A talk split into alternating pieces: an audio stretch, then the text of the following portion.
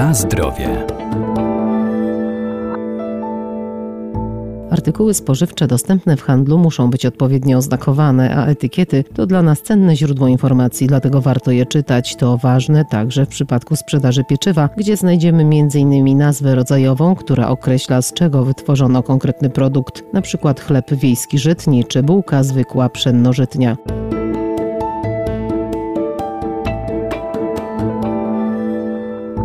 Mąka, woda, drożdże lub zakwas i sól to podstawowe składniki chleba, jednak wielu producentów stosuje także dodatki popularnie zwane polepszaczami, które skracają proces pieczenia czy zwiększają objętość i poprawiają wygląd pieczywa. Istotnym elementem umożliwiającym identyfikację produktu jest podanie jego nazwy. Nazwa powinna być nazwą zwyczajową lub nazwą opisową, tak aby umożliwić konsumentowi poznanie jego rzeczywistego charakteru oraz odróżnić ten produkt od innych produktów, z którymi może może być mylony. Wojewódzki Inspektor Jakości Handlowej Artykułów Rolno-Spożywczych w Lublinie Agnieszka Jarosińska. W tym przypadku należy wziąć pod uwagę nazewnictwo pieczywa wynikające z polskich norm który jest znany polskiemu konsumentowi. Na przykład chleb żytni, chleb pszenny, chleb mieszany. Za pieczywo mieszane uważa się pieczywo produkowane z mąki żytniej w ilości od 10 do 90% oraz z mąki pszennej. Chleb żytni to pieczywo, w którym mąka żytnia stanowi od 90 do 100%,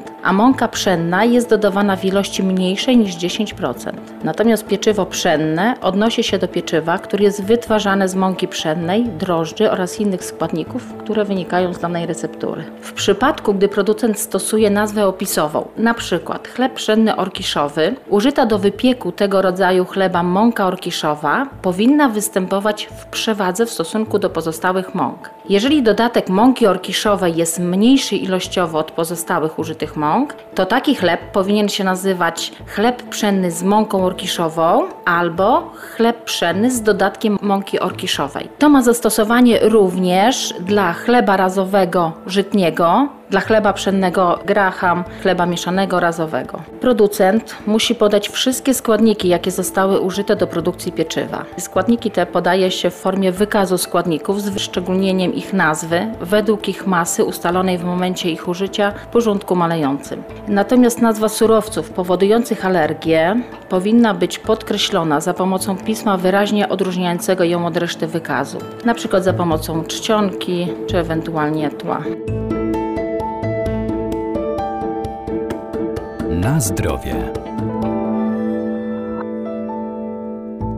Wśród niedozwolonych dodatków można znaleźć m.in. karmel, który nadaje pieczywu ciemną barwę i sprawia wrażenie razowego, którym w rzeczywistości nie jest. Jeżeli stosowane są substancje dodatkowe w pieczywie, to podaje się przede wszystkim ich nazwę lub symbol oraz funkcję technologiczną, jaką pełnią w danym pieczywie. Na etykiecie powinny znaleźć się informacje dotyczące procentowej zawartości składnika wskazanego przy nazwie pieczywa.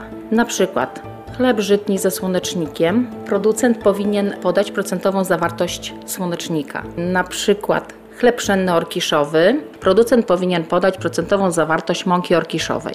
Do chleba nie mogą być dodawane żadne barwniki. Jedynym takim wyjątkiem jest chleb słodowy, gdzie możemy stosować barwnik w celu nadania mu ciemnej barwy. Jeżeli producent pieczywa wykorzystuje gotowy półprodukt, np. ciasto mrożone lub ciasto głęboko mrożone, to taką informację powinien podać na etykiecie. Może również stosować różnego rodzaju zapisy, np. bez konserwantów, bez polepszaczy, ale tylko wtedy, kiedy faktycznie tych substancji bądź polepszaczy nie zastosował podczas produkcji. W przypadku pieczywa produkowanego na naturalnym zakwasie, to taka informacja może znaleźć się na etykiecie, gdyż będzie to informacja wyróżniająca ten chleb spośród innych chlebów produkowanych z zastosowaniem substancji dodatkowych. W przypadku pieczywa nieopakowanego w punkcie sprzedaży y, sprzedawca powinien podać informacje takie jak nazwę środka spożywczego, nazwę i adres producenta, wykaz składników, w tym alergenów, masę netto pieczywa i oczywiście informacje, jeżeli pieczywo zostało wyprodukowane z ciasta mrożonego bądź ciasta głęboko mrożonego.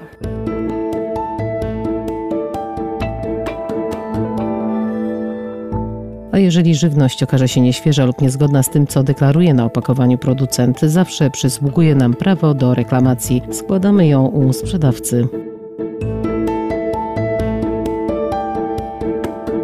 Na zdrowie.